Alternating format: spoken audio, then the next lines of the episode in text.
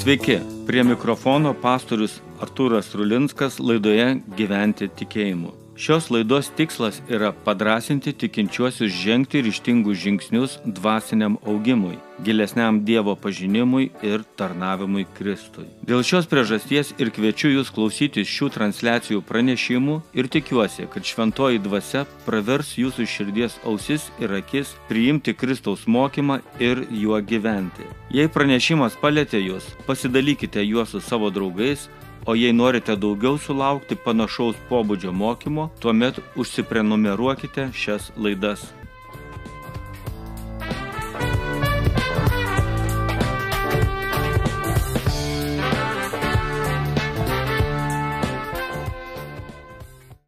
Mūsų dvasinėme augime yra svarbus prisipildymo elementas.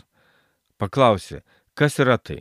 Gal svarbu turėti užsipildžius gerų minčių, pozityvaus mąstymo, energijos ir kūrybingumo. Taip, tai svarbus dalykai tiesiog gyvenime, bet dvasiškame gyvenime svarbu būti prisipildžius Dievo dvasios. Kai žmogus negyveni pasitikėjimu viešpačiu, tuomet esi tuščias dvasiškai, o tavo sielos talpyklos yra užpildytos kitais dalykais, o gal net ir kitomis dvasiomis. Paskaitysiu dvi šventojo rašto eilutes. Apaštalų darbų ketvirtos kiriaus 31 eilutėje rašoma. Jiems pasimeldus sudrebėjo susirinkimo vieta. Visi prisipildė šventosios dvasios ir ėmė drąsiai skelbti Dievo žodį. Laiške Efeziečiams 5 skyrius 18 eilutė taip pasakyta. Nebūkite neprotingi, bet supraskite, kokia yra viešpaties valia. Ir nepasigerkite vynų, kuriame slypi pasileidimas, bet būkite pilni dvasios. Automobilis, kurį vairuoju, energijos ratams sukti gauna iš dujų baliono. Yra dujų automobilis važiuoja, nėra dujų, stovi ir laukia, kol jomis užpildysiu.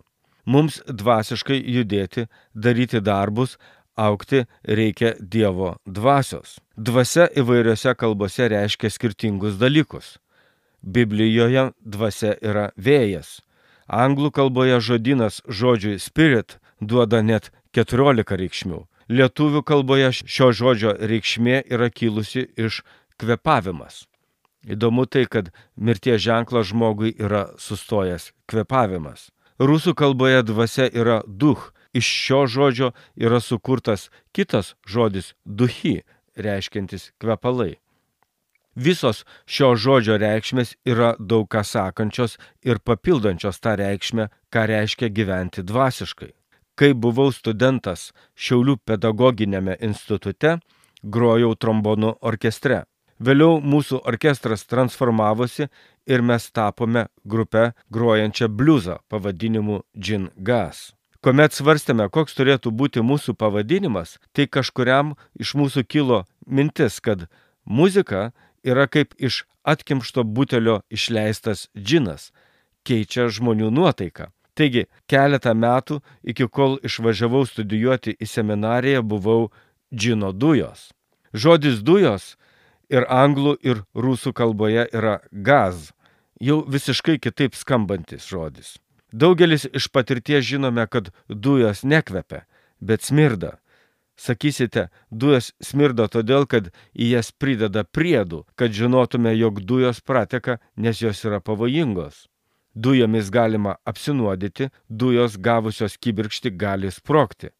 Vis dėlto ir kiekvieno mūsų viduje yra savo nuosavos dujos. Kaip mūsų organizmas pašalina tas dujas, tuomet net nemalonu ir nemaloniai smirda. Žmogus yra Dievo sukurtas ir kaip žinome, kad kūne yra vietos organizmo veikloje pagaminamoms dujoms, taip tuo labiau žmogus turi vietos savo sieloje priimti Dievo dvasę, kuri nesmirda ir nėra jame pavojinga, bet kvepia žmoguje pasireiškinti gerais darbais, malonumu, džiaugsmu. Jeigu žmoguje nėra Dievo dvasios, kuri duoda malonų kvapą, tuomet tai, ką žmogus turi, tai tik nuosavas dujas. Paulius, korintiečiams rašydamas šias tiesas taip parašė. Juk mes esame Kristaus kvapas Dievui, tarp einančių į išganimą ir žengiančių į pražūtį. Vieniems mirties kvapas, nešantis mirti, kitiems gyvenimo kvapas, vedantis į gyvenimą. Antras laiškas korintiečiams, antras skyrius 15-16 eilutės. Šiuose eilutėse Paulius pažymi, kad tai, kuo maitinamės ir mumise tampa mūsų specifiniu kvapu. Jį žmonės, būdami skirtingų dvasinių nuostatų, skirtingai užuodžia.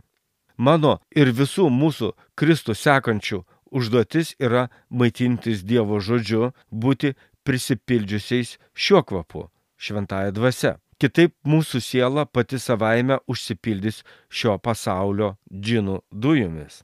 Sėkminių dieną, kai mokiniai laukė Jėzaus pažado išsipildymo, nužengė šventoji dvasia ir užpildė besimeldžiančią bažnyčią, pripildydama kiekvieną iš jų. Tuomet žmonės irgi reagavo keistai. Jie kalbėjo, jie prisigėrė jauno vyno. Ant paštalų darbo antras skyrius 13 eilutė. Dievo nepažįstantiems toji nauja šių žmonių būsena pasirodė kaip kvailybė, todėl jie sutapatino mokinis su prisigėrimu. Kartą klausiau per BBC radiją laidą apie vaikiną, kuris turėjo labai žemą savivertę. Pokalbėje dalyvavo vaikino motina ir žurnalistė. Motina pasakojo, kaip savo žemą savivertę turintis vaikinas pradėjo gerti tabletes, kurių dabar neminėsiu, ir šių tablečių poveikyje vaikinas tapo drąsesnis, susirado darbą, galėjo atlikti būtiniausias užduotis. Taip jau yra, kad kartais dėl fizinių kūno reikalų funkcionuoti ir geriau jaustis gali padėti ir tabletės kai kurie žmonės netgi mažomis dozėmis naudoja narkotikus, kad geriau jaustųsi. Geriau, kad būtų natūraliau, tačiau yra kaip yra, taip sakome. Šventoji dvasia suteikia žmogui platesnę jo funkcijų sferą.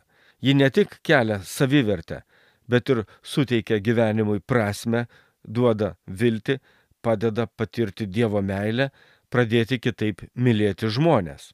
Kristus savo mokiniams irgi pasiuntė dvasę, kad jos prisipildę jie turėtų kitokį ryšį su Dievu, vienas su kitu ir pasauliu.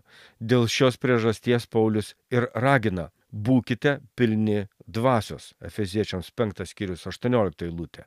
Psichologai kalba, kad kiekvienas turime emocinį rezervuarą, kurį reikia nuolatos papildyti.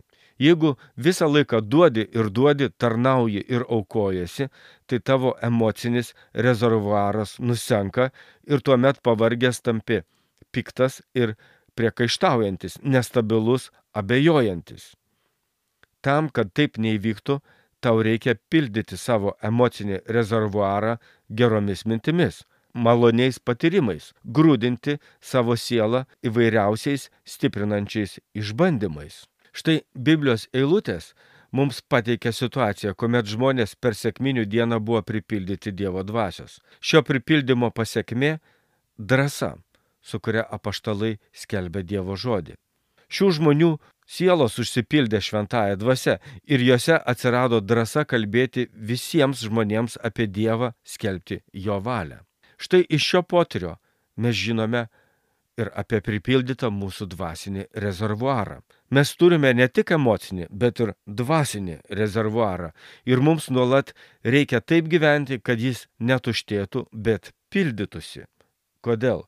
Ištuštėjęs dvasios rezervuaras gana greitai užsipildys tomis natūraliomis pasaulio dujomis ir tuomet jau nebebusime Kristaus kvapas bažnyčiai ir pasauliui, bet savo paties. Savo dvasinio augimo nuotaikose nuolat savo užduokime klausimą. O kokia dvasia, kokiais kvapais esu užsipildęs? Ar nereikia man per atgailą atsikratyti to, kas manyje iš pasaulio, kas genda, kas gadina kvapą kitiems? Ar nereikia per maldą prašyti, kad viešpats mane užpildytų savo dvasia? Prisipildykime, eikime pas viešpatį. Iki kito karto, brangus klausytojų, su jumis buvo Laisvųjų krikščionių bažnyčios pastorius Arturas Rulinskas.